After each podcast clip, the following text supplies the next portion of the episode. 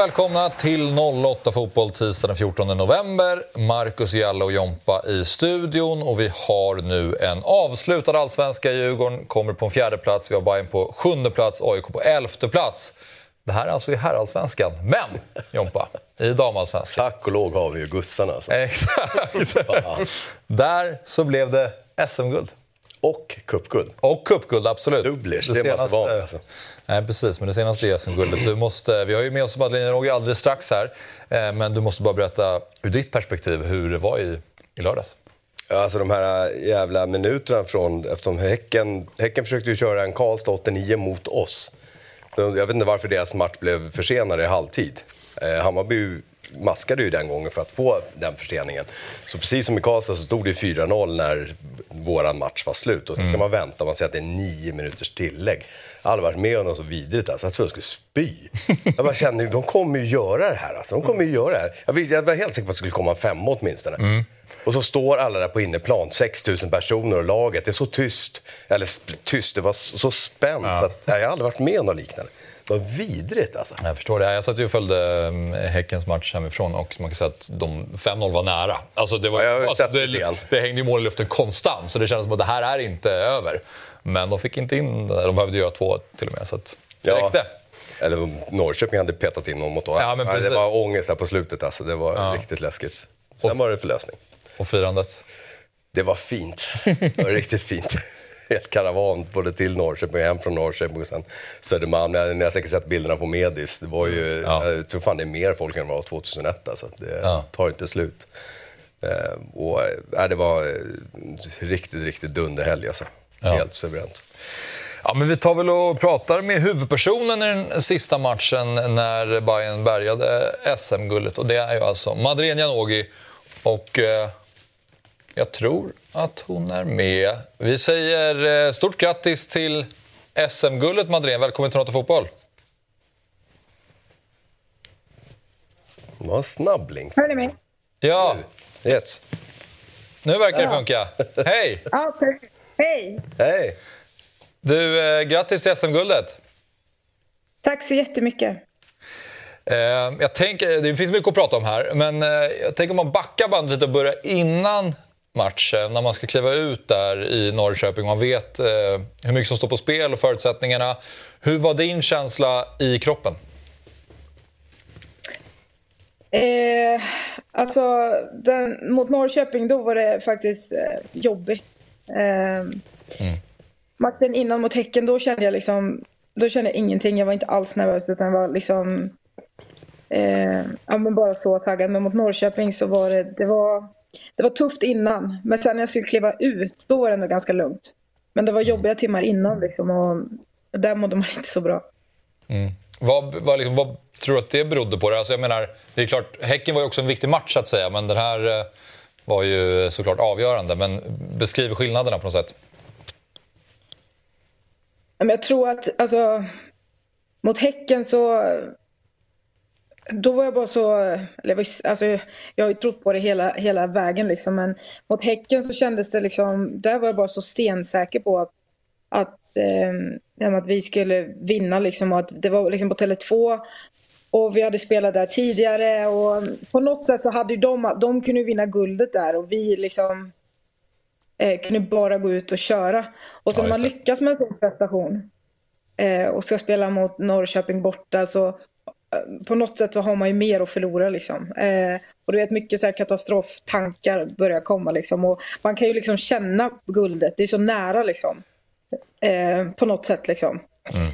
Eh, jag tror att det var det, att vi tog, vi tog oss hela vägen och nu var det sista matchen som gällde och så kunde man se det framför sig men så var det ändå den här 90 minuters prestationen som var tvungen att göras liksom.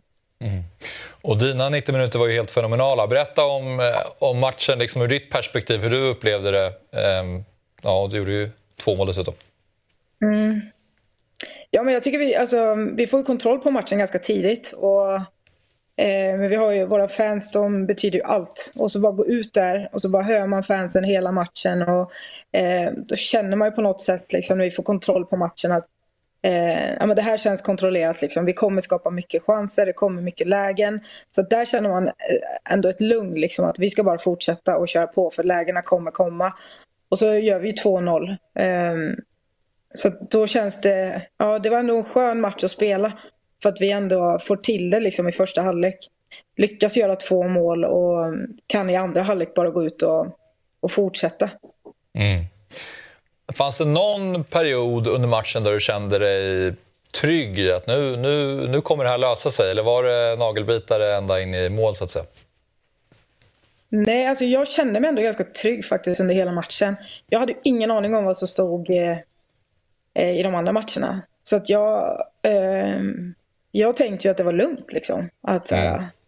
ja, men det, här, det här känns lugnt, det här, eh, det här kommer gå vägen. Liksom. Men sen kommer slutsignal och då får jag ju höra liksom, att det står 4-0 i Häckenpiteå. Och då, alltså, ja, jag vill aldrig känna det jag kände där och då. Det var hemskt. Ja, de, de minuterna där från slutsignalen och fram dit är det värsta jag upplevt alltså, som supporter. Jag höll på att kräkas. Det var ja, helt vidrigt. Jag var helt säker på att det kommer, det kommer på något sätt fallera. Det gick, inte att, det gick inte att ta in en positiv tanke i skallen. Alltså. Alltså, hur, ni som står där i en ring på mittplan med 7000 pers runt er. Det gick att ta på stämning kan man ju säga. Var, var, var det någon som sa ja. någonting? Nej, det var ju, det, det var ingen som sa något heller. Alltså, i, I de lägena vill man ju liksom på något sätt ändå få kontroll över situationen. Okej, okay, hur många mål är Då är det någon som säger att det räcker med ett mål. Sen är det någon som säger att de behöver göra två mål. Och jag får ju typ panik för att jag har ju, jag bara, hur många minuter är det kvar? Och alla säger liksom, det är fyra minuter kvar. Jag bara, ni har sagt att det är fyra minuter kvar i tio minuter nu. Alltså tiden går så långsamt och ingen har koll på något. Och, eh, ja, man vill bara, jag vill också kräkas där. Alltså, men, men du måste också fråga bara för att i halvtid så kändes det som att eh, det, var, det kändes, ja, men allting pekade på att ni skulle ta hem det. Men sen så gör ju Häcken tre ganska snabba mål i andra halvlek och så leder de med 4-0. Fick ni någon info på plan om att här, vara beredda på att behöva kliva på om det skulle vara så att ni måste göra ett till mål? Så att säga. Vad, vad, vad visste ni på plan? Nej, ingenting. Alltså, ingenting? Jag, jag, nej, ingenting. Så jag var ju, jag var lugn liksom, efter slutsignal och så bara, vet inte ens vem det är som kommer fram och bara det står 4-0. Alltså, och Peter är också liksom, vi har ju mött Häcken innan där de tryckte på, eh, på Tele2 med mycket spelare och skapade situationer. Liksom. Och det var det enda i mitt huvud, jag tänkte på. Liksom, att, ja, nu, nu trycker de upp hur många spelare som helst och det är ett skickligt lag liksom, och det är många minuter kvar. Så att, eh, ja. Mm. Allt kom efter slutningen. Ja. Men jag tänker på din resa också Madeleine. Alltså från att du eh, pausade ditt fotbollsspelande i, i, i Wolfsburg, din tuffa tid med, med sömnproblem och psykisk ohälsa. Alltså när du var där och då, trodde du att du skulle kunna stå där du är idag? Så att säga? Nej, alltså det här är ju obeskrivligt det man har liksom fått vara med om och det man har gjort.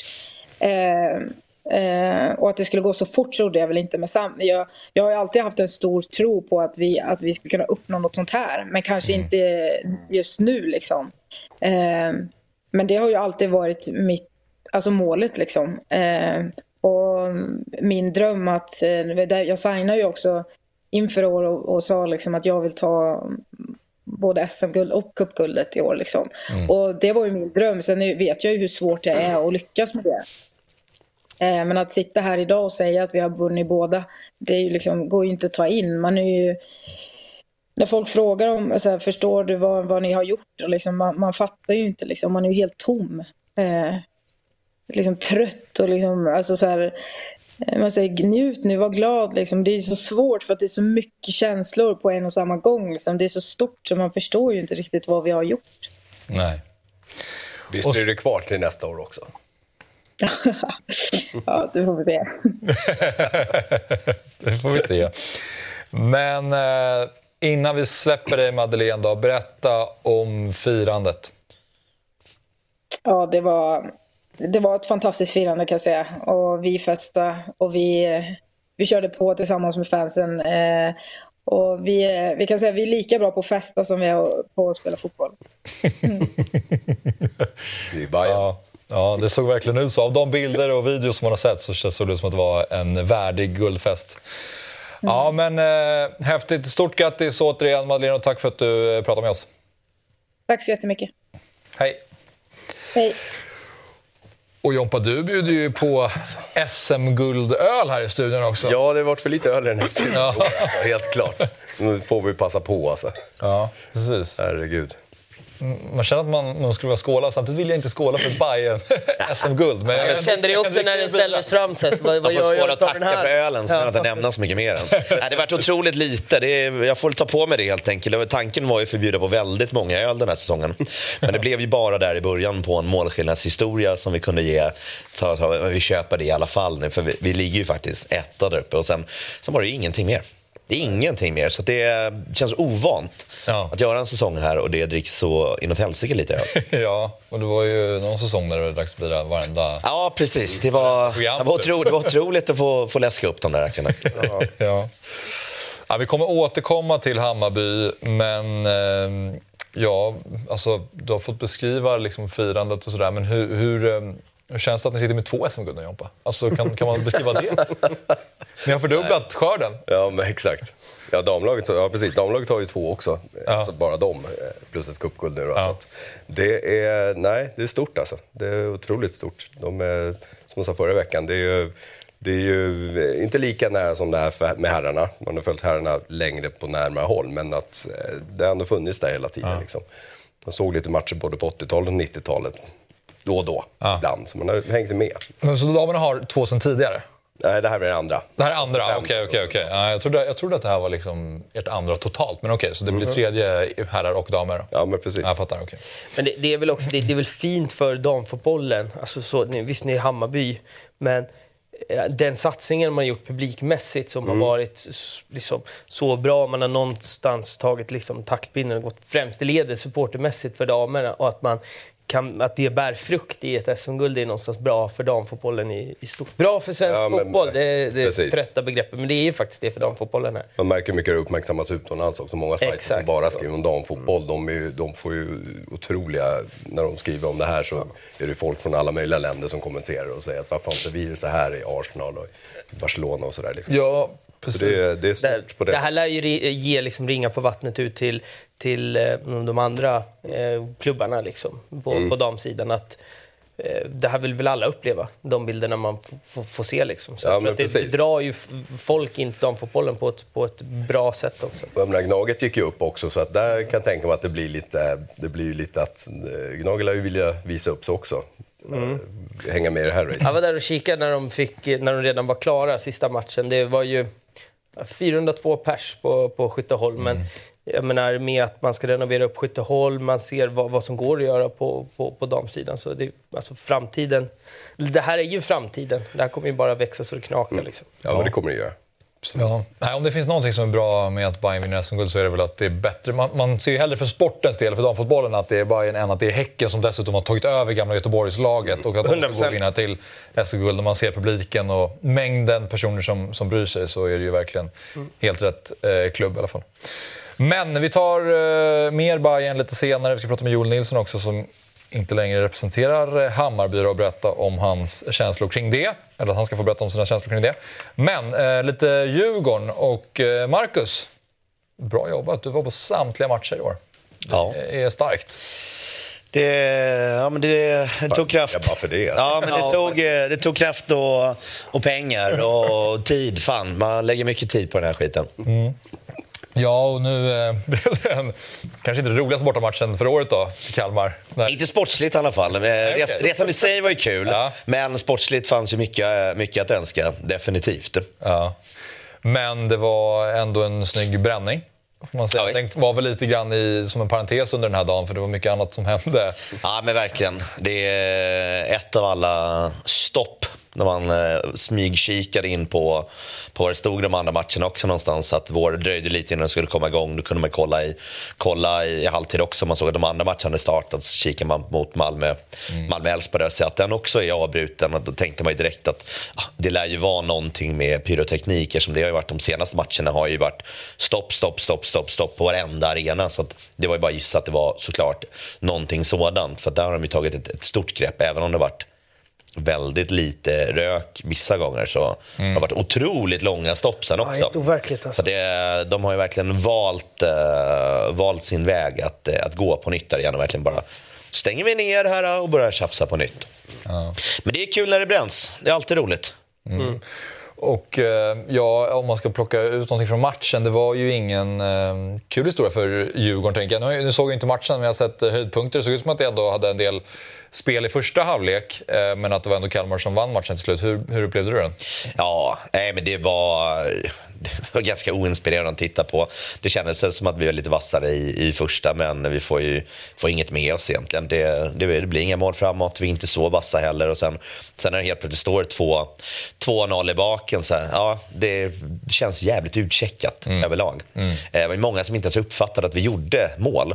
För det var, ja, men det var så sent på slutet, alla hade flan, eh, halsdukar uppe och det var sjung för gamla Djurgården någonstans för att avsluta matchen som alltid, som alltid körs. Och, sen, eh, och det var ju många som liksom inte såg, för man hade halsdukar framför. Och man själv stod ganska bra placerad. Så, mål! Mål! Hallå, gjorde mål! Typ. Man märkte att det är ingen som reagerar. Så antingen var folk riktigt utcheckade, riktigt packade, eller bara att de inte såg ett, såg ett dyft just där och då. Så, Troligtvis alla tre. Ja, men lite så. Så att det, var, det, det var märkligt när det blev mål. Sen så var, var ju tid kvar, så här, sekunder, och sen, sen blåste de ju av direkt. Det var avspark, så det, det hände ingenting. Men det var kul att Lukas fick göra en ass på den, så att den ändå höjde upp sig själv lite. Och Findell fick ju start och han gjorde, gjorde målet. Så att det var ju rätt två spelare som fick, eh, fick poäng på det sättet. Så det var, ju, det var en kul avslutning i, eh, i den rätt tråkiga matchen. Jag noterar att eh, Robin Fredriksson, han är väl med i DIF-podden va? Jajamän. Eh, han var, gillade inte att Lukas Bergvall startade som nia. Eh, Nej. Vad tänker du om det? Han var inne på att så här, det fanns ingen anledning till det, att han kanske skulle bli lite... Nej, men precis. Eh, nej, men jag håller med. Vi, vi åkte samma, samma resväg, resväg ner också, så det, det diskuterades lite i, Ja. i, i bussen ner. Och det, och det håller jag med om också. Att när, vi, när han har fått starta Eh, då har ju också spelat nu på den platsen han vill och ska spela på.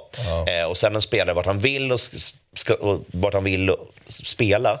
Det spelar inte alltid riktigt roll för, för en tränare, men vart han ska spela det snarare. För att passa in vad, vilka vi är och vad vi har för formation så ska han ju inte vara nia. Nej. Utan han, eh, det har ju sett bra ut när han har spelat eh, på sin, på sin riktiga plats. Jag fattade inte riktigt det och jag kan förstå det också att för hans skull någonstans också ska han förlänga.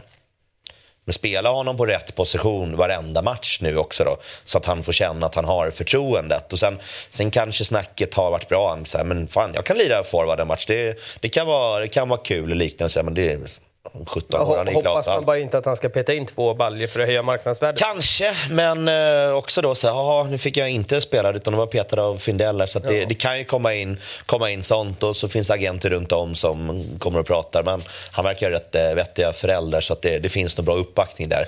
Men jag hade hellre sett att han spelade där han, där han skulle så fick man trixa med något annat med att ja, men, får Mindre Skog starta som striker eller spela Falenius där och, och nyttja lite av de yttrarna som finns. Så att, såg snarare andra, andra vägar att gå.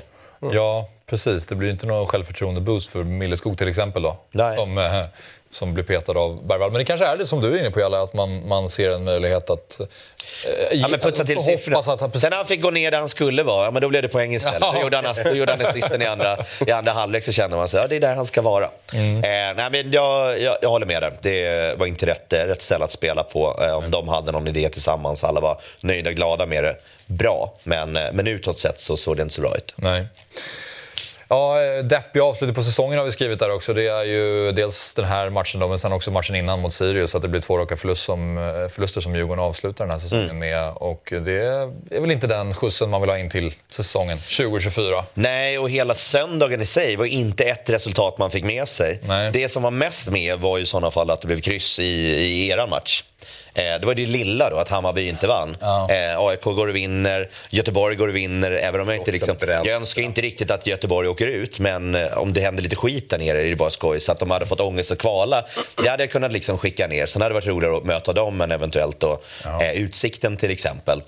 Eh, så det var ju många resultat emot det. Jag hade hellre sett att Elfsborg vann istället för, för Malmö, för de har man större beef med genom, genom åren också. Så allt blev ju bara skit den där dagen. Så det blev ju en riktig pissavslutning. Ja. Kul utanför plan, men jävligt trist allt som hade med det sportsliga att göra. Ja.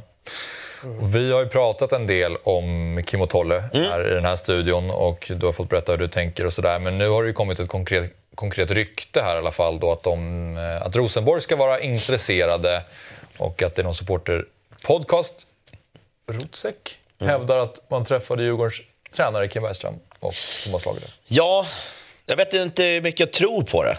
Nej. Det kommer lite dementier om det från eh, folk som har ganska bra koll. Okay. Eh, så att... Eh, kanske inte stämmer helt enkelt. Nej, det verkar som att det inte ska, ska stämma riktigt. Så att, eh, hade det skett, mm. liknande situation som i Bayern, en bra exit, liksom enkelt för alla då, att, att tränarna själva hittar en ny klubb, de vill gå dit, man känner att man är redo att släppa dem och hela den biten, så skulle det vara ett fall. Liksom, så här, ja, men då, då blir det ju ganska, ganska bra för, för alla parter. För det är många som har börjat bli lite trötta och jag är någonstans här mellantinget. Att jag skulle kunna se dem att, att de lämnar, bara vi har något vettigt in såklart. Men, eh, men jag kan också välja att, eh, att ha kvar dem. Jag ser att det har varit mer i själva spelartruppen än just dem. Eh, men för just det här riktigt, vad, vad jag har i alla fall, ska det mm. ligga väldigt lite i det. Även om jag också såg den där först och började, oh, all right. ja. börja forska lite i det. Men Eh, det är säkert några som rycker i dem och vill ha deras tjänster för de ser väl möjligheten att ni har varit länge, det är lite som det är just nu i läget att kommer man där med ett, med ett roligt bud så är det klart att de, de kommer börja fundera på det åtminstone. Det, det är dumt något annat. Har man varit på ett jobb länge så måste man ändå om någon ändå approcherar en. Att det, det, kan alltid vara värt att lyssna och säga, men vad har ni för någonting då? Vad tänker ni? Men är det inte läge nu? Jag, alltså, så som jag tänker när jag kollar på det här är ju så här att antingen så stannar de, om Djurgården skulle ligga, vi säger femma till sommaren nästa år, då får ju de foten. Alltså så. Då kommer Europas avgå eftersom det redan är...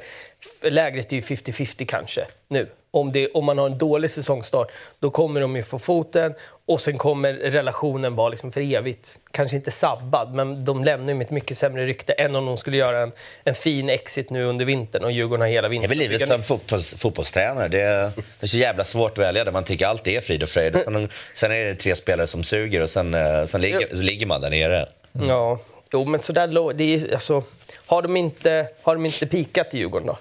kan de ha gjort, men eh, ja, det har kommit den här placeringen förut så att vi, vi håller oss någonstans mm. i topp fyra. Topp fyra och överlag så är vi jävligt, äh, jävligt stabila. Och vi har ju också chansen på, på en Europaplats då, om vi tar kuppen eller någon av de andra vinner. Så där har vi satt oss i bra sitsen då.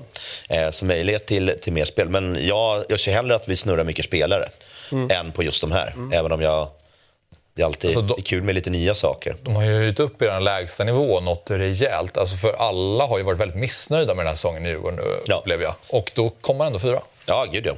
Mm. Eh, men det var ju någonstans att det var avgjort väldigt tidigt kändes det som. Men sen spelade vi ändå upp och så hade ju många chanser på att, mm. på att lösa det. Eh, tog inte poäng i rätt match eh, och då, då tappade vi såklart lite. Mm. Men tredjeplatsen var inom räckhåll flera gånger och sen satte vi faktiskt här ett avsnitt och såg att det finns faktiskt en ja. chans till att det skulle... Alltså det, det var görbart, men då även där då tog man inte det, det taget. Alltså vi kan hänga med. Mm. Sen vart det bär någonstans, ja, troligtvis inte hela vägen upp. Men man kan ändå haka på och säga att man har gjort allting. Mm. Och då hade man kunnat komma härifrån med... Hade vi haft en poäng till, eller en vinst till, hade man känt sig... Det här var på riktigt jävligt nära och bra jobbat. Mm. Får se om de dyker upp där på flygplatsen när de ska till Rosenborg. som, som Milos gjorde. Ja, det blir väl en eh, Championship-klubb där som eh, Cifuentes eh, riktades till Rosenborg och sen blev det de brittiska öarna istället. Just det, precis. Ett poddtips från Podplay. I fallen jag aldrig glömmer djupdyker Hasse Aro i arbetet bakom några av Sveriges mest uppseendeväckande brottsutredningar går vi in med hemlig telefonavlyssning och, och då upplever vi att vi får en total förändring av hans beteende. Vad är det som händer nu? Vem är det som läcker? Och så säger han att jag är kriminell, jag har varit kriminell i hela mitt liv men att mörda ett barn, där går min gräns. Nya säsongen av Fallen jag aldrig glömmer på Podplay. Mm. Men eh, jag tänker så här också att eh, Sofia-läktaren skickade ut en kravställande kommuniké skulle man kunna säga. Eh, där man pratar om, ja, men till exempel så står det en rad här, på vissa, lag har, på vissa håll har laget beskyllts för att ha fått luften att gå ur läktarna i år. Det må vara en rimlig förklaring, däremot inte en rimlig ursäkt. Och man har pratat om junisar och mittbenor, mentalitetsbrist på Sofia och så vidare. Och det här är ju någonting som jag upplever har varit en diskussion på AIKs läktare också. Att man har frågat, Oh ja. eller så här, kritiserat lite grann stämningen på ståplats framför allt. Trots att det har blivit mycket fler då. Och då har vi vår frågeställning här, publiken växer men har stämningen blivit sämre? Hur upplever du det Marcus, eh, hos er? Ja, men det, det, har varit, det varit klurigt. Man märker att det är väldigt många eh, nya och yngre som har kommit. Vilket är jävligt roligt att det hänt mycket. Man ser väldigt, eh, ja, men väldigt många nya på, på läktaren. Det är, det, är, det är unga, det är fler tjejer också. Så att det, det har ju blivit mer, mer spritt. Eh, sen önskar jag ju att fler äldre stannar kvar. Att man inte sticker så jävla lättvindigt heller och bara tittar bort att äh, nu, nu har jag nog gjort mitt. Så här, du är 24 liksom, käften. Du har, tio, du har minst 10 år kvar till att göra det här. För om vi, ska, vi ligger många år efter vad, vad de gör i andra länder. Där de har pysslat med det här sen fan tidernas begynnelse i stort sett. Innan, fan, kanske innan du föd, ens var född Jompa. Det kan liksom vara så långt tillbaka. Men de ligger så många år Spelar man fram. fotboll då? Nej då. Men där, fin- där finns det ju en, en, en medelålder som kan vara alltså, inom någonstans kärnorna och, och, och de som har stått länge som är mycket högre än vad det är i Sverige. Här, här är vi liksom runt 20-strecket någonstans. Men där borta är det folk som är liksom 60, 70, eh, 50 bass som gör det där liksom år ut och år in. Och det vore ju jävligt fett om man kunde bygga en sån bas. För det betyder också att, att publiksnittet överlag kommer höjas och många, många äldre också hänger kvar. Eh, definitivt. Så att i år tycker jag varit ett svagare år än tidigare, vilket var jävligt bra.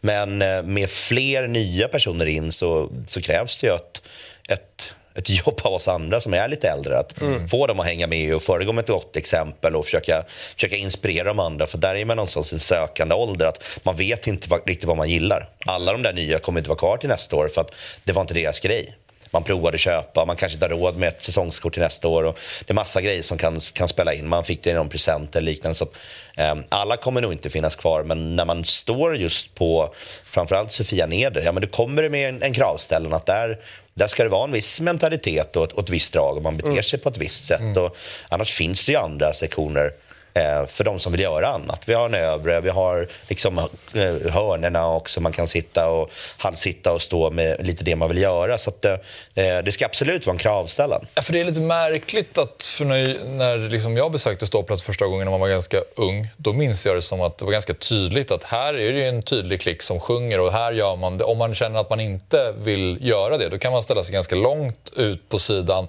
Nu känns det som att när till exempel Norra är utsålt varenda match, då kanske det är samma kravställning överallt.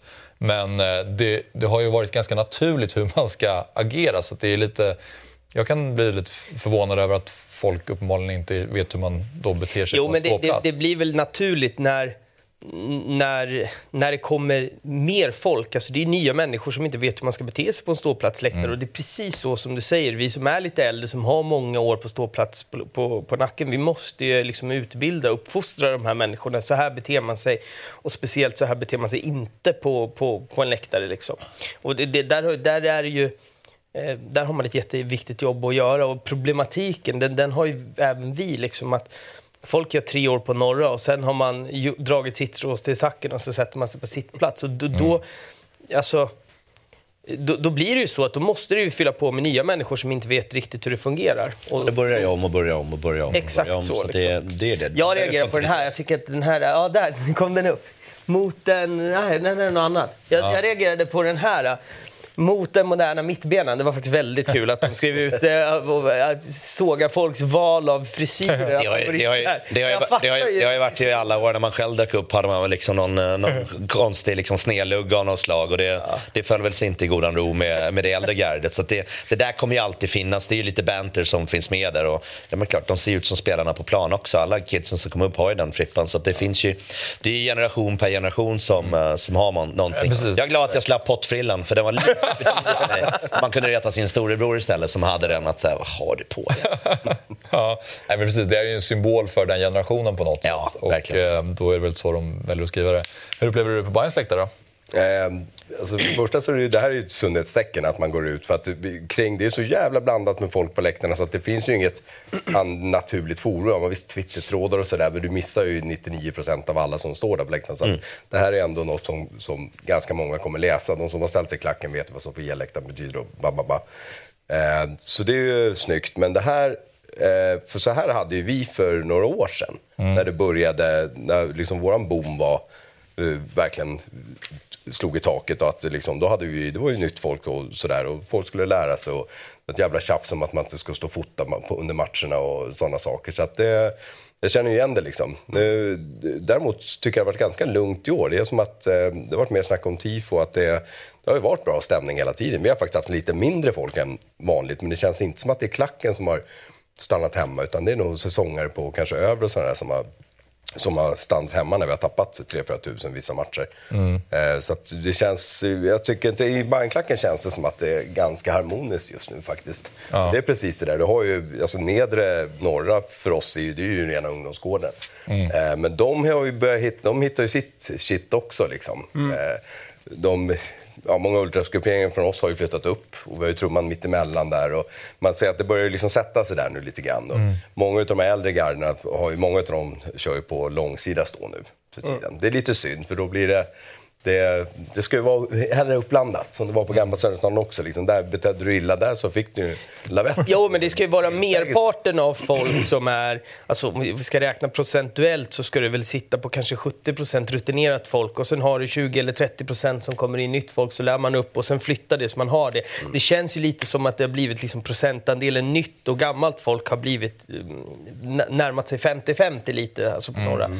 Eller på Sofialäktaren för den saken. Så det är för mycket mycket nytt folk och då blir det de här diskussionerna. Jag, jag gjorde förra matchen, nu ska vi se, Halmstad hemma stod jag på eh, Norra Ungdom. Eh, bara, Lite mot hörnet där va? Ja, precis. Med hörnet östra norra. Bara för att ja, men, träffa de, de yngre lite sådär. Mm. Eh, och de, har ju, de hade en dedikerad som, som sprang runt och jagade eh, folk som plockade upp mobiltelefonerna. Alltså han var, vad kan han vara, 12, 12 bast, okay. alltså 22 lång. Så stod de, så fort någon plockade upp en telefon så skickade de honom. Då bara ja. kutade han upp, bort med luren! Alltså sådär. Så att, eh, de vill ju liksom lära ut det här i, i tid ålder. Och jag menar, när 12-åringar gör det mot 12-åringar, vad, vad säger att vi inte kan göra det mot en 20-åring på läktaren? Alltså det är det som man måste eh, vara lite jobbig mot nytt folk för att de ska fatta. För annars så kommer ju det här som vi har byggt upp stagnera om, det, om vi släpper in mm. liksom, mittbena-kulturen in och TikTok-generationen och de får ta över våra läktare. Liksom. Mm. Ja. Sen, jag menar, det är ju en jävla bra grej att allsvenskan är ju het. Mm. ser vi från andra klubbar också. Det har aldrig mm. varit mycket supporter på våra bortaläktare. Nej. Fan, både Kalmar och Degerfors fyllde sin jävla ja. och så. Så att det, är ju, det är ju något positivt med det, men det ska, ja, ju, det måste ju, det, det, ska ju det ska läras upp på rätt sätt. Folk kommer ju därför att de hör om det och läser om det och mm. polarna snackar om det. Ja, det är också det. Jag kan tycka lite så här problemet på en läktare är inte att du tar upp telefonen. Jag menar, jag har tjej och två barn hemma ibland. Jag måste kolla om, med om någonting har hänt. Liksom. Alltså, så, så det är inte problemet. Problemet är väl när du står och fokus ligger på din telefon eller du står och spelar in TikTok-videos. Alltså, då blir det ett problem. Men att jag kollar ett meddelande eller att någon som är där svarar sin mamma när man är hemma, det är inte problemet. Men ibland så kan jag tycka att man överdriver problemet lite grann med mobiltelefoner. Alltså man, det måste finnas ja, en rimlighet. Man gör väl det för att liksom skicka lite ljus på det också. Att vi, får, ja. vi får höja upp det lite mer. Så att, så här, I vissa fall ser man det skitmycket, i andra fall inte. Men så här, det, det, är något här och var. Och det blir mer bara att måste landa i vad sjutton som gäller. Ja. Då, då, får man, då får man ta det lite mer. Det är väl vad all media gör med allt som är farligt. Att det är lite farligt, men man målar upp det till den stora bilden mm. så att många fler ska se det. Mm. Så det hänger ju med även där också. Då. Men, men det är klart, jobb finns att göra och fler kommer vi bli för varje år nu framåt. Alla, alla klubbar, inte där kanske, ni håller på att liksom declinar här. Det går neråt, så får ni köra, köra om igen. Ja. Nej, men det kommer komma fler och fler till, till allsvenskan överlag. Mm. Så det är klart att det, det är resor som alla lag kommer behöva göra på olika sätt. Till och med mm. BP har ju fler än en bil på bortamatcherna nu. Ja, kan man liksom se.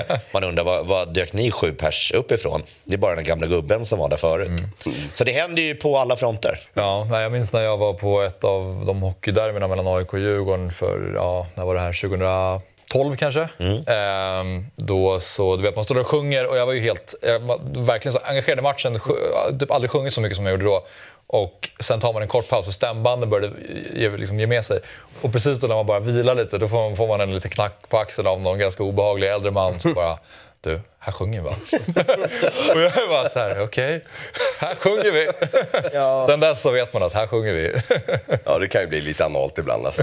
ja, man får ju ha lite, man får ha lite feeling när man står där. Man kanske inte ja. direkt första gången man tittar, men om man dyker upp i liksom minut 60 så här, när jag sett det sju gånger liksom, stå och fippla med någonting. Så här, ja. nu, nu, nu, nu åker sågen Ja, alltså är, är man jag fick höra, när jag stod och pillade med telefonen när jag var 13, var det någon som knackade på axeln. Exakt samma upplevelse. Ja. Nu har du pillat på telefonen, jag vill inte se den där en gång till, för mm. då åker du ut. Alltså, jag var 13 bast. Det här var ju någon i, i, i liksom min ålder idag. Så. Mm.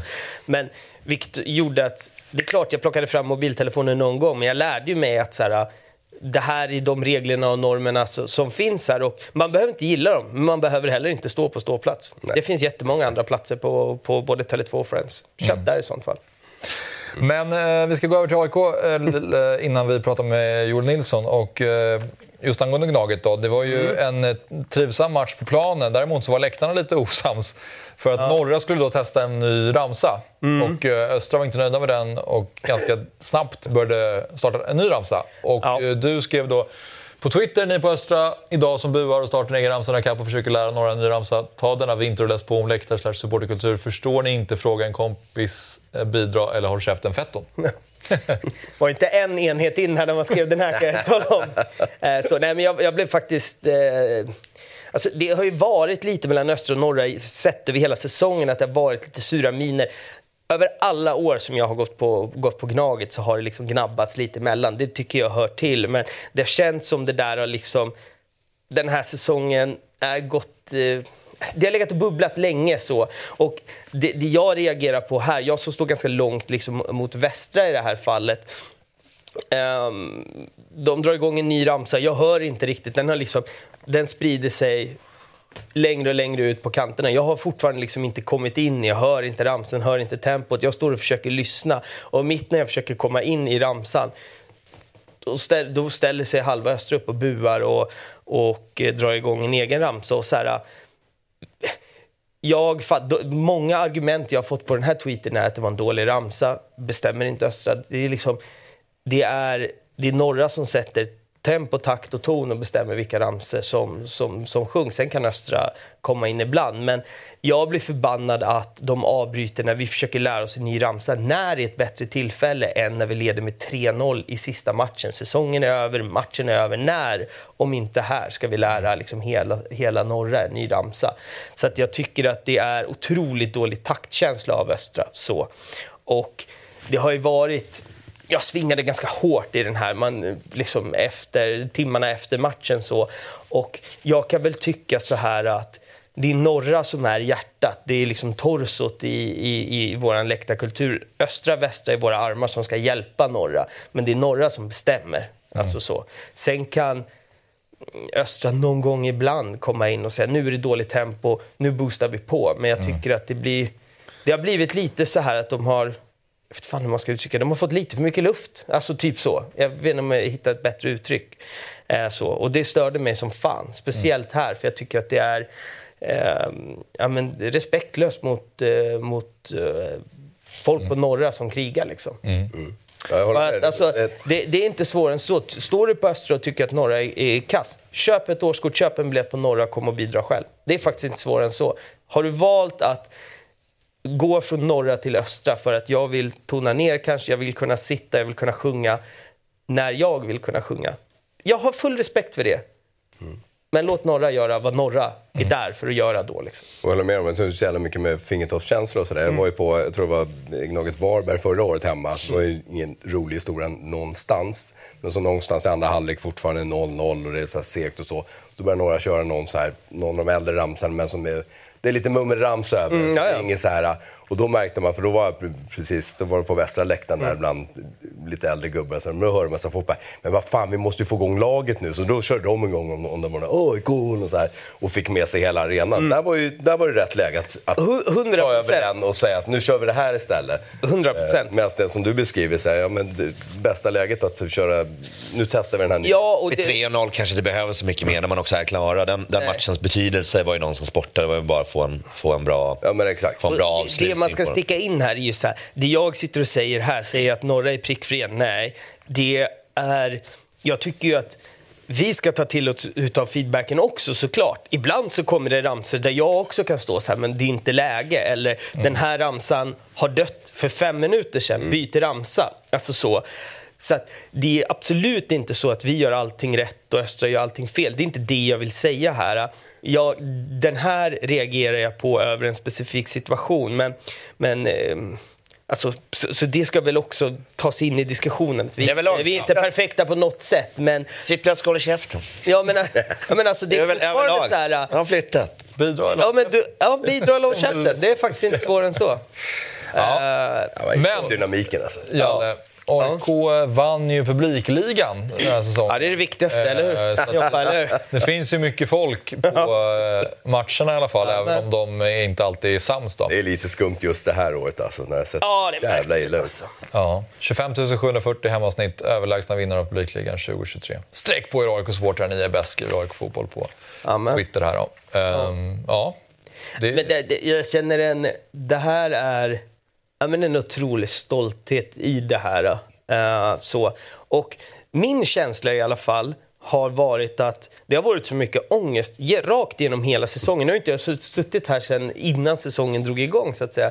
Men det har varit så jäkla mycket ångest och det är liksom... Man vill inte... Man vill inte sitta på den ångesten själv. Man vill dela den med eh, sina närmsta 25 000 kompisar. Liksom.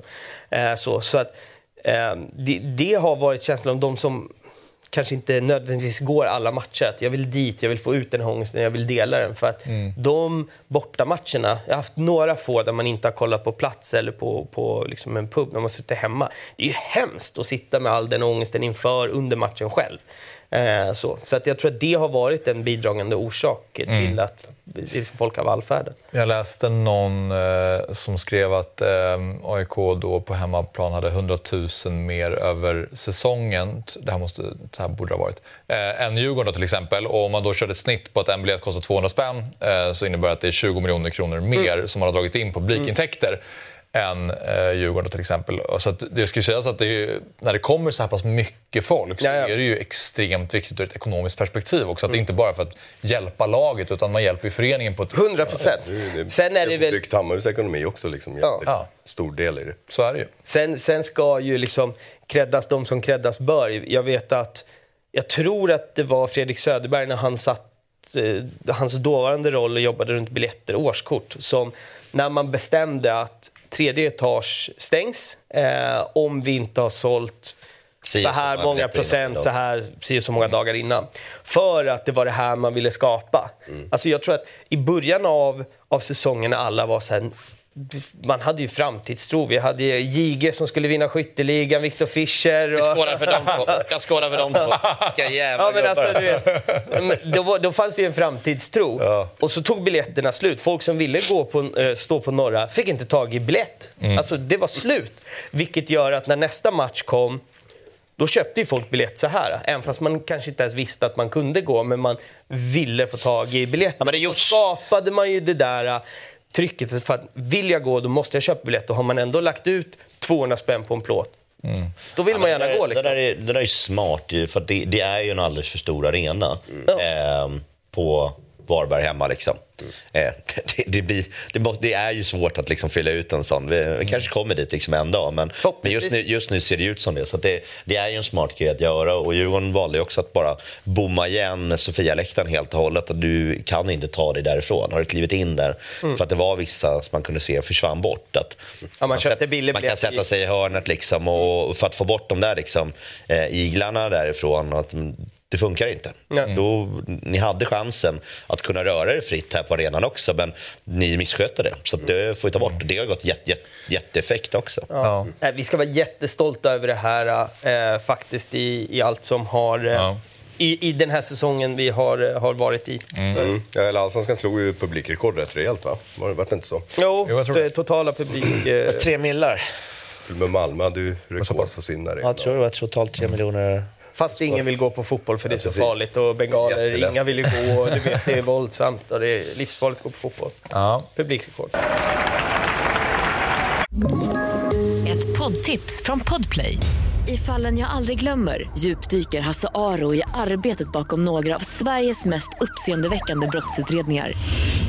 går vi in med hemlig telefonavlyssning och, och då upplever vi att vi får en total förändring av hans beteende. Vad är det som händer nu? Vem är det som läcker? Och så säger han att jag är kriminell, jag har varit kriminell i hela mitt liv men att mörda ett barn, där går min gräns. Nya säsongen av Fallen jag aldrig glömmer på Podplay. Nu har vi med oss Joel Nilsson på tråden. Vi säger eh, varmt välkommen till Något Fotboll. Tack så mycket. Tack, tack. Du eh, Joel, det blir ingen fortsättning för dig i eh, Hammarby. Till att börja med bara, hur, eh, hur känns det? Nej, det är tråkigt såklart. Eh, haft en eh, bra tid i, i Hammarby. Mycket support och sådär som har stöttat en varje match. Och det, det är klart det är tråkigt, men allt har sin, har, har sin tid. Mm. Jag tänker på din säsong eh, i år. Den började ju starkt, i, spelade mycket i kuppen och eh, de matcherna i början av Allsvenskan också. Sen så har det varit väldigt mycket fram och tillbaka, ut och in i startelva och bänk och urtrupp och så vidare. Hur skulle du själv eh, beskriva din säsong? Jag tycker du summerar den väldigt bra. Jag började väldigt starkt och spelade mycket ja, försäsongen och kuppen och även de inledande matcherna. Gjorde mål i premiären och sådär. Då kändes det väldigt bra, men sen fick vi stryk mot Häcken, tror jag det var i andra matchen. Eller något med, ja, och då, efter det har det varit väldigt mycket fram och tillbaka. Och eh, ja, såklart det var tufft. Mm. Och när du blickar tillbaka på dina två år i Bayern då, hur skulle du summera din tid eh, överlag? Ja, det är framförallt eh, hösten förra året. Där är det en väldigt bra, bra period och vi spelade väldigt bra fotboll. Eh, det är framförallt den tiden jag vill bära med mig. Det var, var väldigt kul att spela. Då var det ja, fantastiska spelare också i laget. Och, ja, det synd att vi inte fick behålla alla de spelarna. Nej. Vad fick du för förklaringar av, eh, av Marti i år när speltiden uteblev? Vi har väl inte haft jättemycket dialog så, men vi, ja, det är många nya unga spelare som de vill, Hammarby vill ta fram och ja, eh, de är också duktiga såklart och sådär.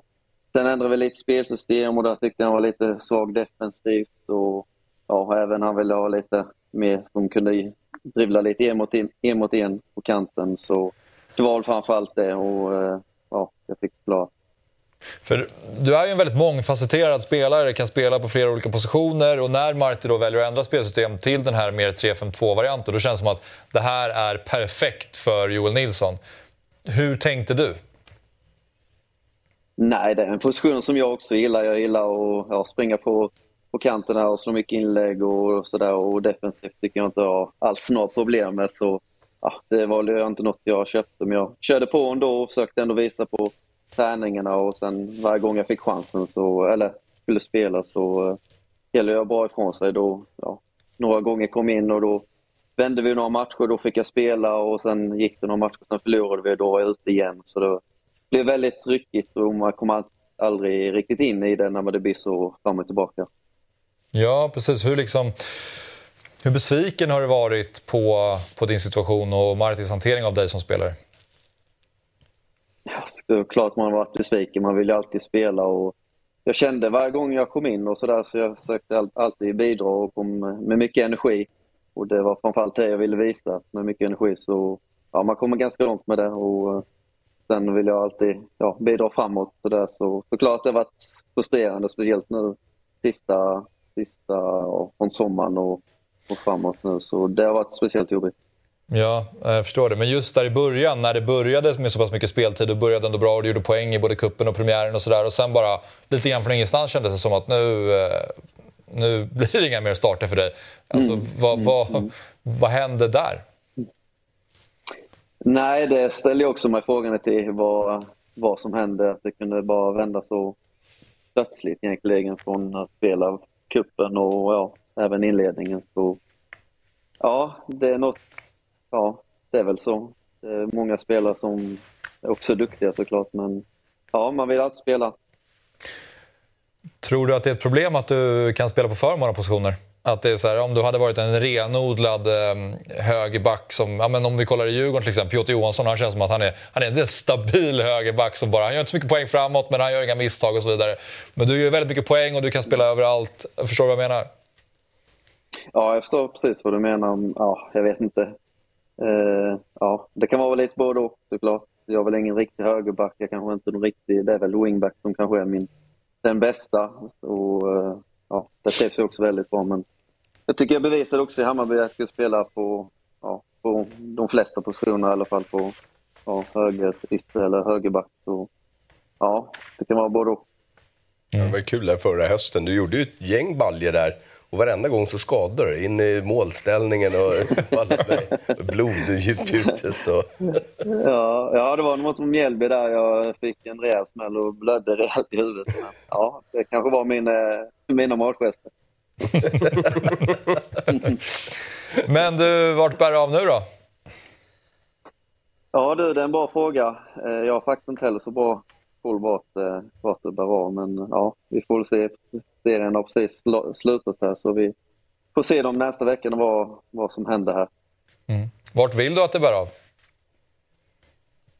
Ja, något varmt land hade inte varit fel eh, om man får drömma. Men ja, vi får se vad som händer. Jag är öppen för, öppen för det mesta. Mm. Ja, spännande. Eh, stort tack för att du tog dig tid att prata med oss.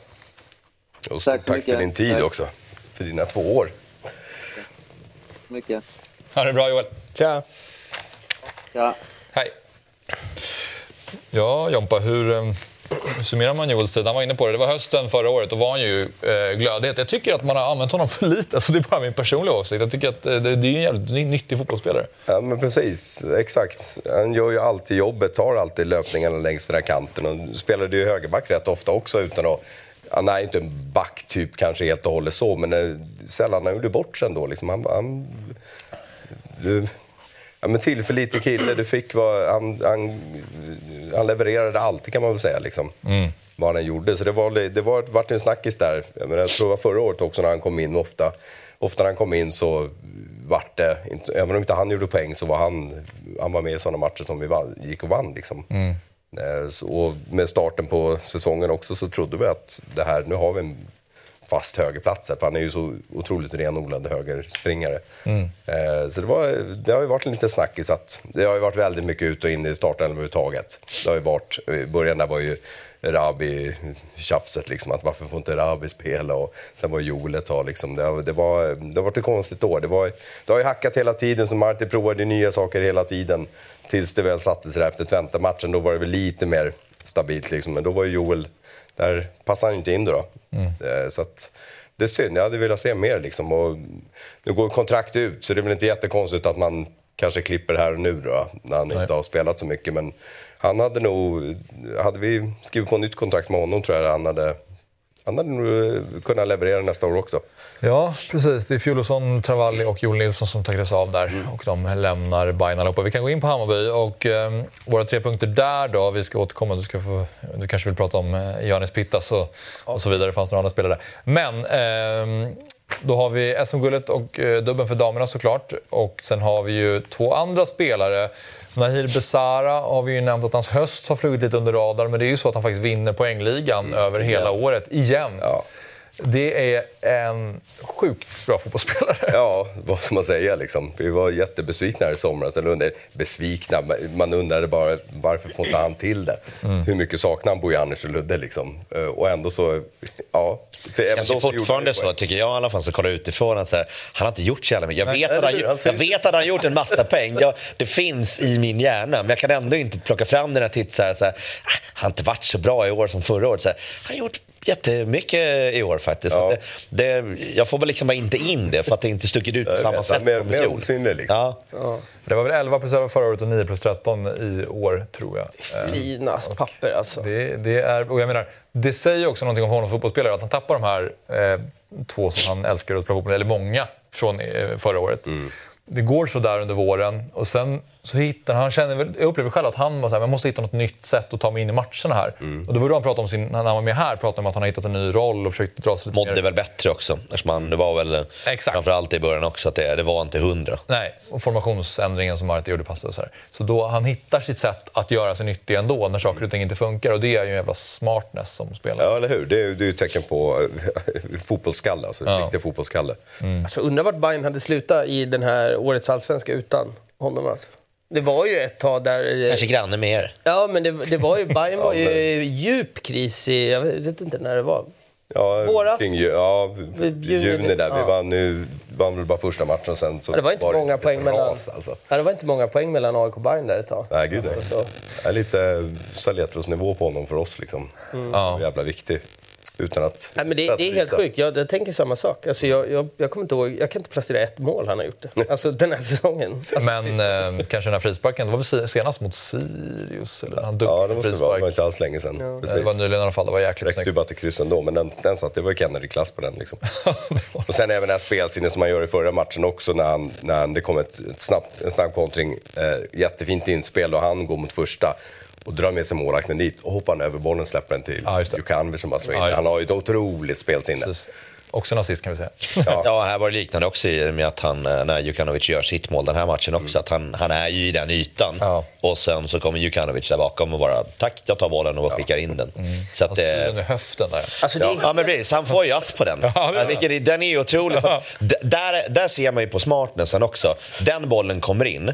Ja, men folk kommer ju vilja liksom möta den på något sätt. Ska jag hoppa, liksom, försöka bredsida, bredsida den mot mål? Det kommer ju inte hända någonting om du, om du får en kanonträff. Och ska du nicka, men då får du ju verkligen slängnicka, liksom försöka skarva in den. Så det är så mycket som du behöver göra på ett bra sätt. Och nu gör han något jävligt konstigt, men också på ett bra sätt med att jag tar den nog i magen, Nej, men jag hinner vrida mig lite grann bara för att liksom släppa förbi. Jag har tagit beslutet, men det kommer inte gå. Så jag gör allt i min liksom, makt här nu bara för att akta mig från den. Vilket eh, leder ju till att den kommer fram i alla fall. Vilket är ju, Han gör ju det medvetet. Sen att eh, resultatet blir så pass bra, ja, men det, det är liksom bara... Ja, right. Det, det hände, men han har ju tänkt i det.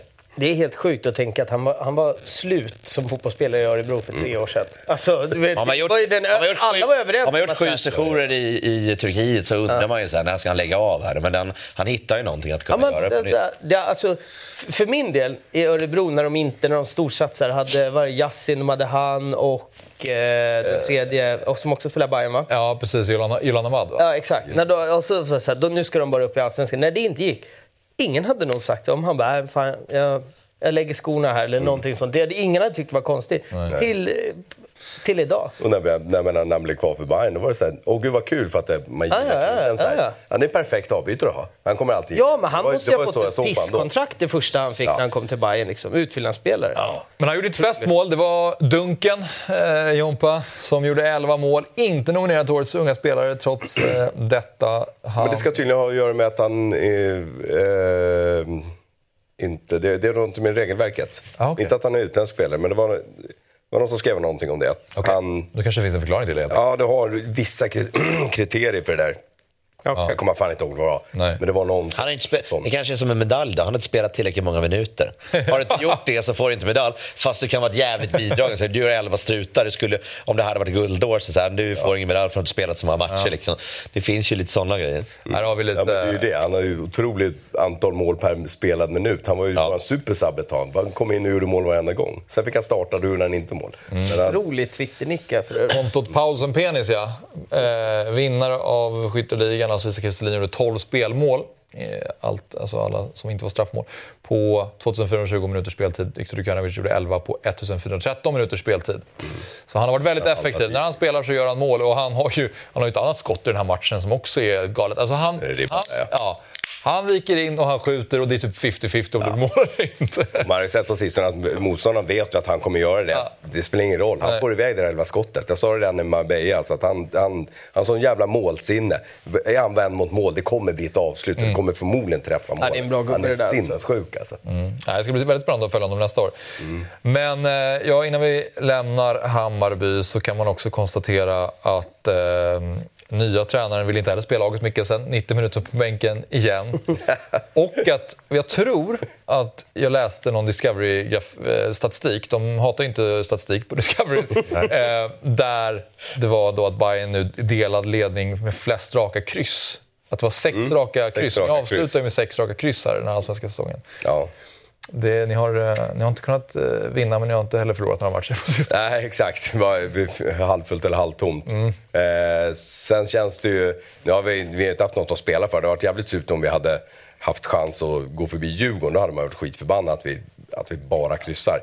Men det suraste är ju också att vi har ju tappat alla jävla matcherna. Mm, vi vi leder mot Sirius, vi leder mot Halmstad, vi leder mot Göteborg. Allt, alltså alla de här matcherna, det är ju det suraste. Mm. Fan, vi kan tappa till så mycket på slutet. Nu, Halmstads två mål är jättesnygga, men nu fan kan vi inte... Eller det är kvalitet på dem, men eh, hur kan vi inte ha avgjort innan dess? Och hur kan vi... Ja, sådana saker är ju, är ju hyfsat irriterande fortfarande. Ja. Ja, innan vi stänger AIK-dörren också så ska vi bara ta fram våra tre punkter där. Vi pratade om publikligan. Eh, sen så har vi även Jonis Pittas med ett hattrick och ett A-lagskontrakt för Jona Kusiasare. Och ehm, ja, Marcus, om vi ska fråga dig. Man ser att det är många som försöker håna Djurgårdare här för att det är Jones, Dr Jones son då, som väljer att spela för AIK och inte för Djurgården. Eh, Gör det här någonting med dig? Nej, egentligen inte. Det hade väl varit roligt om han spelar för att man får en sån koppling till, men eh, det finns ju många andra som har gjort eh, revolt mot, eh, mot sina föräldrar också, vad man väljer någonstans. Så att, eh, hade han varit hos oss, kul. I det här fallet så här, Men det är, ju, det är häftigt i alla fall. Han är alltså född 2007, så han är ju 16 år gammal. Svårt att räkna det hela tiden också nu. Det, var, det är lättare med folk liksom nära, nära, nära ens egen ålder. Man vet hur alla är. Så här, bara 07 liksom. Så, här, ja, Det är vi som du börjar bli 12. gamla. Ja, men det är ju det. Så här, är du 12, är du 17, är du 22? Jag vet inte liksom. Men nej, Alltså spontant, ju- eh, när, när, alltså för mig, när, när någon säger att någon är född 2007, då går de ju i fyran typ. Alltså det är min spontana Jag höll, på att, liksom. jag höll på att ta studenten och du var väl inne på din liksom, 17 tour i, eh, i vuxenlivet. Ja, precis. Men han eh, spelar A-lagsfotboll för eh, AIK. Och Hur lång är han egentligen? Jävligt lång. 1,96 tror jag. Är det så? Okej. En jävla pjäs. Ja. Jag har ju fan inte ens vuxit klart om man bara säger. Nej. Nej, det är sant.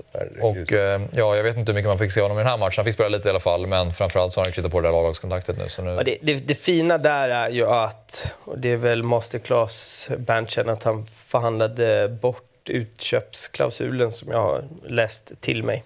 Så. Just det, jag såg något om det också. Mm. Eh, vilket gör att... eh, alltså, det, det är jättebra att vi får in honom. Jag, har ju, jag är nere på en del träningar och när jag har sett han vara med där, han, han sticker verkligen inte ut, man har verkligen inte bort sig heller. Det, det som gör att man, man ser ju han, eftersom han är längst i laget. För, alltså så.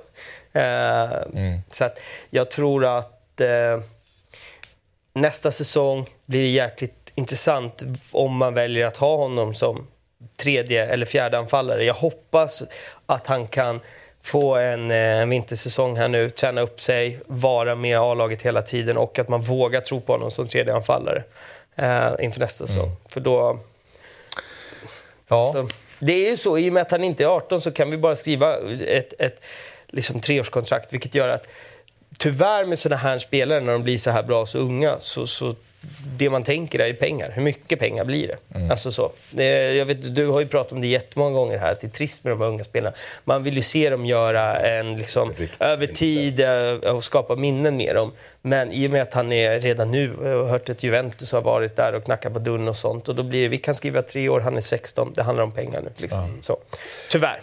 ja någon ska ju spela bredvid Johannes Pittas, som ju, ju har gjort nio mål då, den Mm. här säsongen och kommer i somras. Det är bra gjort. Alltså Det är för- lite för sminkat med tre i sista dock. ja, men Absolut, men det är ju tre mål Ja. likväl. Ja, Det var väl som Selmani förra året. Ja, Han gjorde väl 100 mål i sista ja, nej men eh, det har Men varit... också i ett AIK som har varit väldigt svagt. 100 procent. Eh, utan den här värvningen tillsammans med Anton Saletros så hade vi ju... Jag vet inte vad motsatsen är till segeröl, men då, alltså, om vi, då, hade vi, då, då hade jag ju fått sitta här och AIK vara klar för Superettan, det är jag helt övertygad om. Ja, det är så, så att, eh, Degraderingsbiran, den är inte lika djup. ja, den är mörkare. Det är väl- det är väl loser- loseröl? Ja. Nej, men så att det är, är jätteviktigt. Och, och känslan är väl att han, han trivs, han börjar ta till sig AIK och Och eh, alla klipp man ser från AIK Plus och sånt där, de verkar verkligen trivas här. Så att det ska bli intressant att se att han får vintern här nu. Eh, Henning Berg, om han blir kvar som tränare, får jobba, bygga ett spel runt honom. Så det ska bli väldigt intressant att se eh, vad han kan göra när vi drar igång igen. Sen får vi se. Eh, förhoppningsvis så står ju en revanschsugen John Guidetti och spelar eh, anfallskollega med honom. Och det kan bli...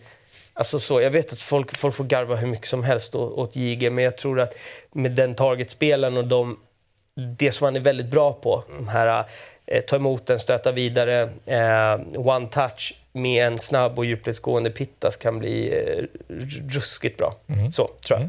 Så att, eh, det ska bli intressant att se vad, vad som händer.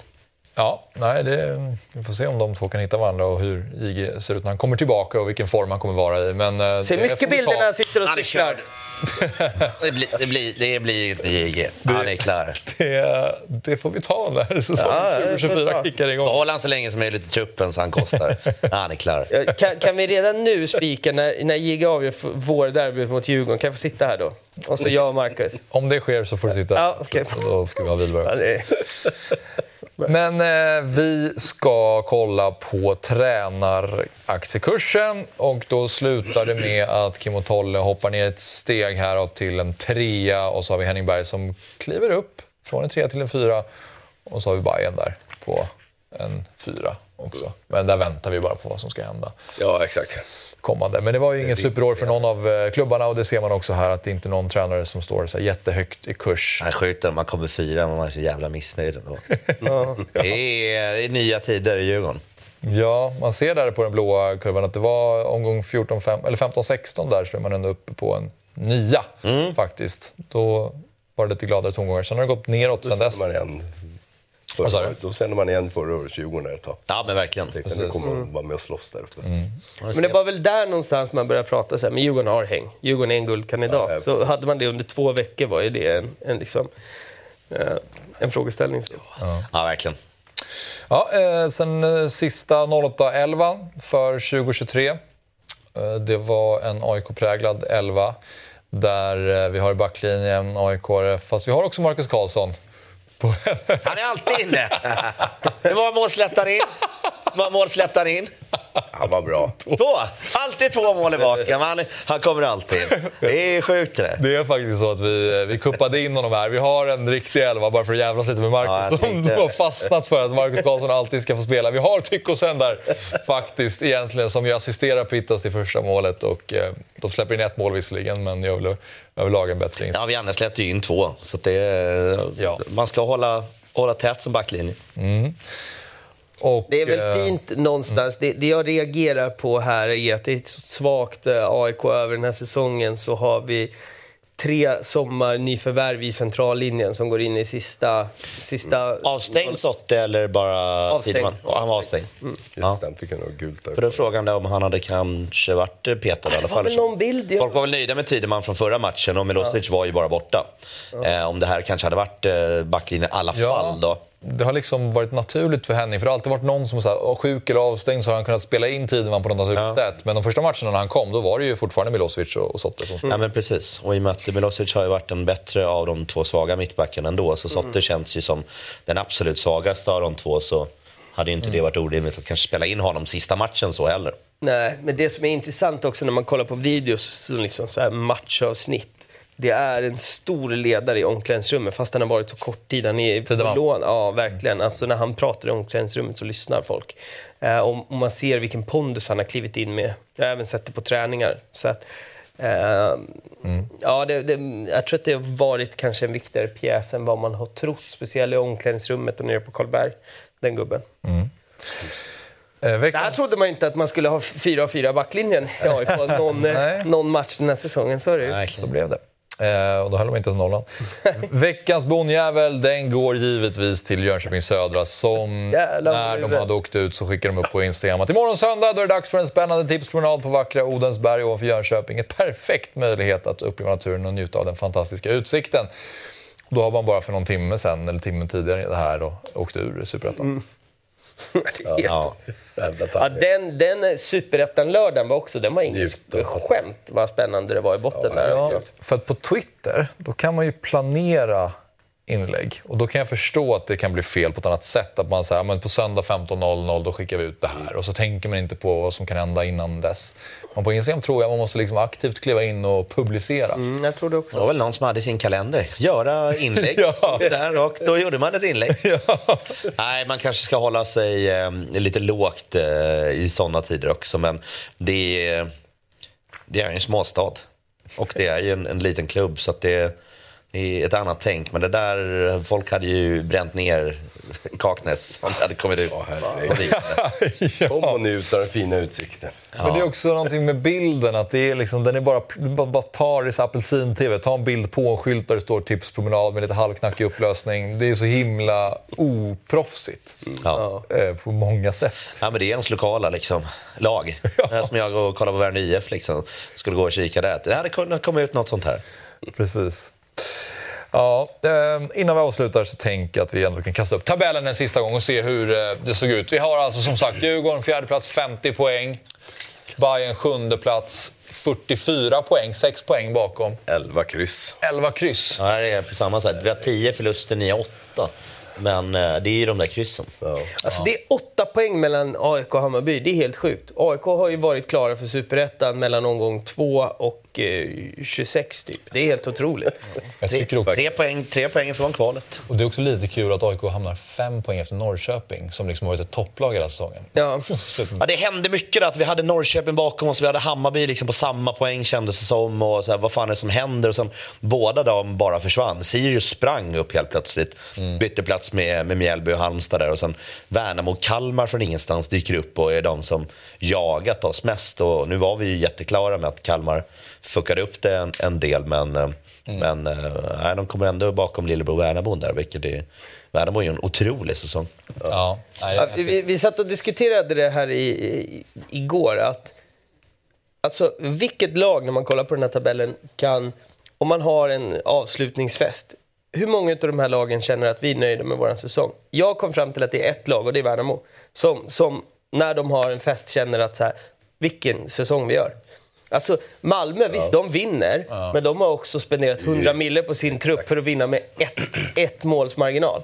Alltså så. Och straff. Ingen annan av de här lagen... Så så här, Djurgården de slutar fyra, det är en jättebra tabellplacering. Men det enda man har hört om Djurgården hela säsongen är att alla är så jävla missnöjda. Ja. Och ändå inte tillräckligt bra på tabellplacering. Ni vill ju såklart vara... Ja, ja, gud ja.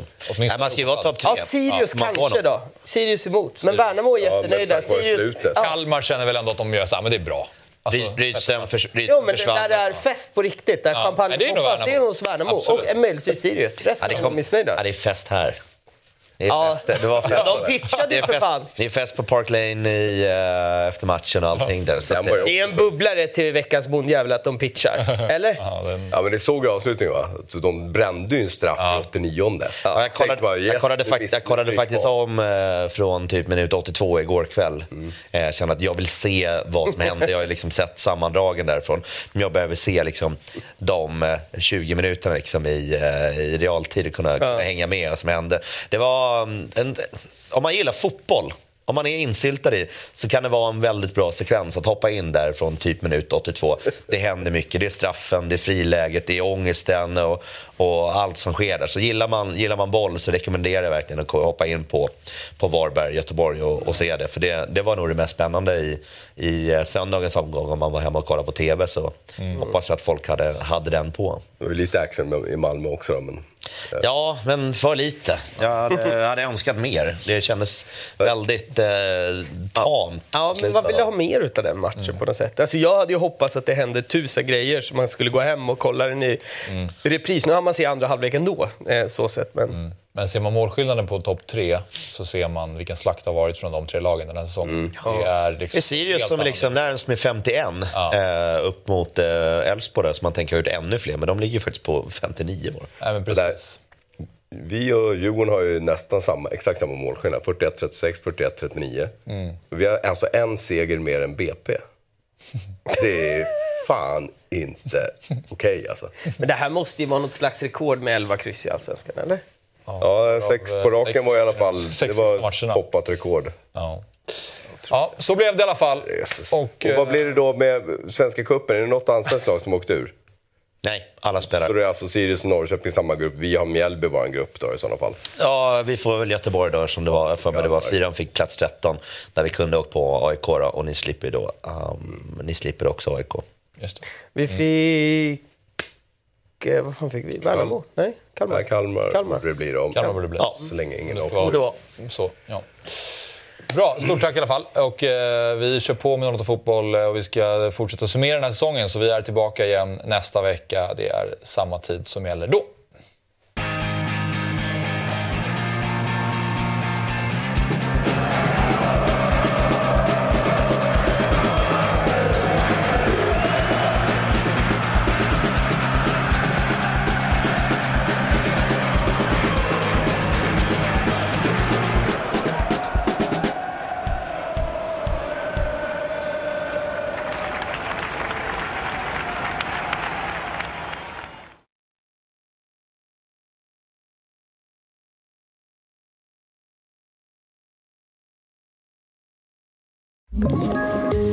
Poddtips från Podplay. I fallen jag aldrig glömmer djupdyker Hasse Aro i arbetet bakom några av Sveriges mest uppseendeväckande brottsutredningar. Går vi in med hemlig telefonavlyssning och, och då upplever vi att vi får en total förändring av hans beteende. Vad är det som händer nu? Vem är det som läcker? Och så säger han att jag är kriminell, jag har varit kriminell i hela mitt liv men att mörda ett barn, där går min gräns. Nya säsongen av Fallen jag aldrig glömmer på Podplay.